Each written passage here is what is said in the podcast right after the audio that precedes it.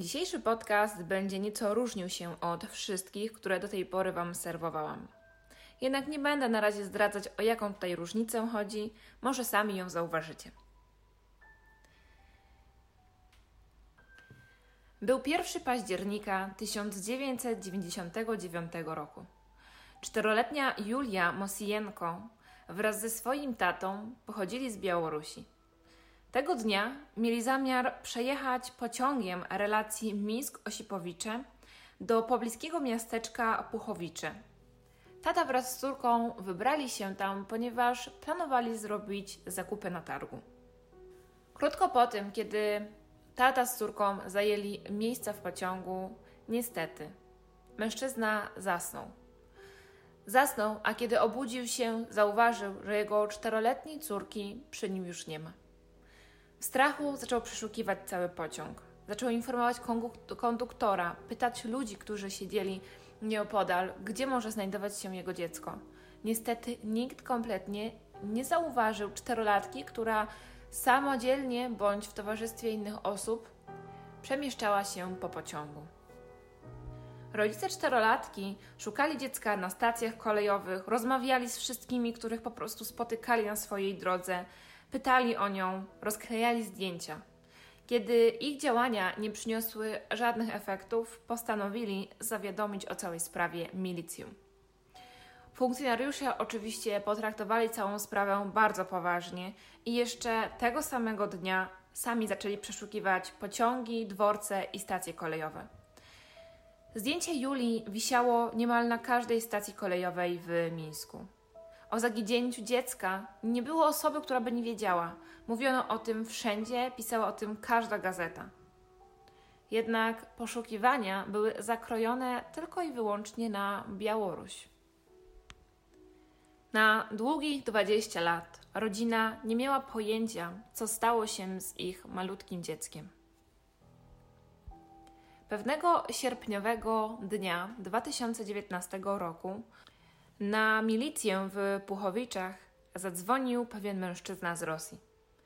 Opowiedział o swojej wtedy już 24-letniej znajomej, która nie zna swojej przeszłości. Wie tylko, że nazywa się Julia i że na chwilę obecną ma 24 lata. Również pamięta imiona swoich rodziców.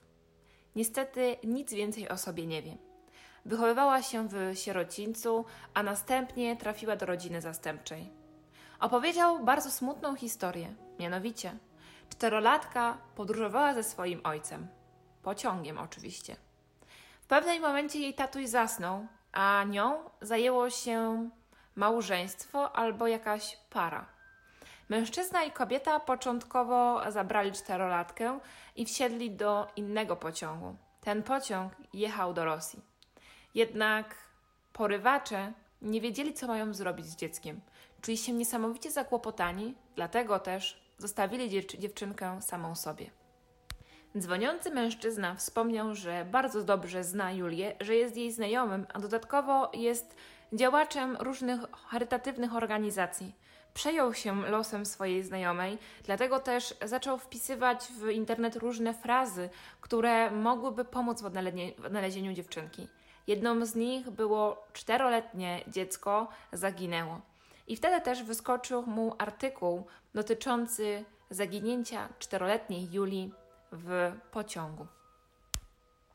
Kiedy zaczął przeglądać artykuły i zdjęcia, wszelkie jego wątpliwości zostały rozwiane. Każda cecha dorosłej Julii zgadzała się z tą, którą reprezentowała czterolatka. Szczególnym potwierdzeniem okazała się być blizna na czole. Kiedy Julia została już poinformowana o tym, że jej rodzice prawdopodobnie zostali odnalezieni, mogła w końcu powiedzieć, co tak naprawdę stało się. Pomimo tego, że działo się to 20 lat wcześniej, dziewczyna wiele rzeczy zapamiętała.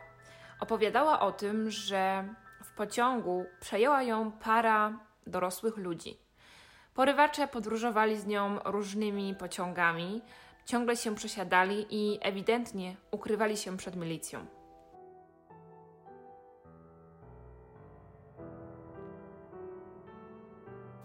Julia pamiętała imiona swoich rodziców i biegając po stacji prosiła o pomoc rosyjską milicję, którą napotkała.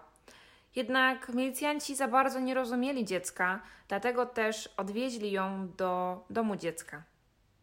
W domu dziecka spędziła kilka miesięcy i następnie trafiła do rodziny zastępczej. Opowiadała, że jej rodzina zastępcza była wspaniała. Traktowali ją bardzo dobrze i zawsze czuła się tam jak u siebie w domu. Wspominała również, że rodzina zastępcza miała jeszcze dwójkę synów, że dali jej wykształcenie i jest im wdzięczna za to, jak dobrzy dla niej byli. Julia od samego początku oczywiście była świadoma, że to nie są jej biologiczni rodzice. W związku z tym starała się szukać prawdy o sobie i szukała biologicznych rodziców. Jednak nie spodziewała się, że prawdy o sobie musi szukać w Białorusi, a nie w Rosji. Jako czteroletnie dziecko nie miała pojęcia, że już przekroczyła granicę. Spotkanie biologicznych rodziców z Julią odbyło się na komisariacie w Mińsku. Rodzice od razu rozpoznali swoją córkę. Na komisariacie również zostały pobrane próbki do badań DNA. Badania DNA wykazały, że wtedy już 24-letnia kobieta na 100% jest biologiczną córką państwa Mosienko.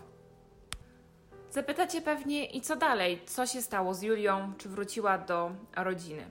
Pomimo tego, że biologiczni rodzice bardzo chcieli, aby córka wróciła na Białoruś i mieszkała z nimi, niestety Julia miała już swoją rodzinę w Rosji i to tam mm, pracowała i wychowywała swoją pięcioletnią wtedy córkę.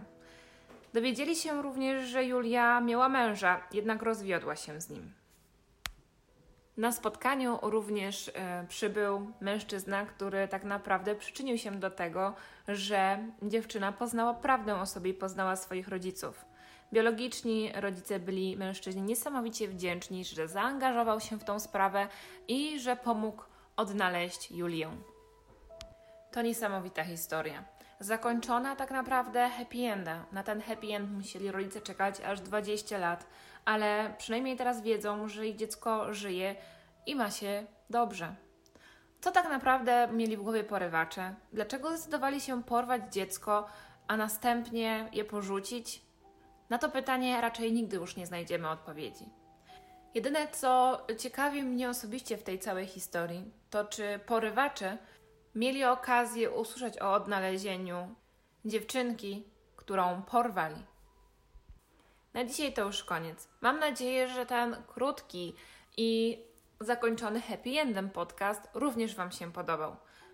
Koniecznie dajcie znać, jeżeli słuchacie mnie na YouTubie, czy słyszeliście o tej sprawie, ponieważ ja już kiedyś ją gdzieś tam słyszałam, jednak yy, miałam ochotę po prostu jeszcze raz o niej wspomnieć u siebie na kanale. Dziękuję za wysłuchanie i do usłyszenia w kolejnym kryminalnym podcaście.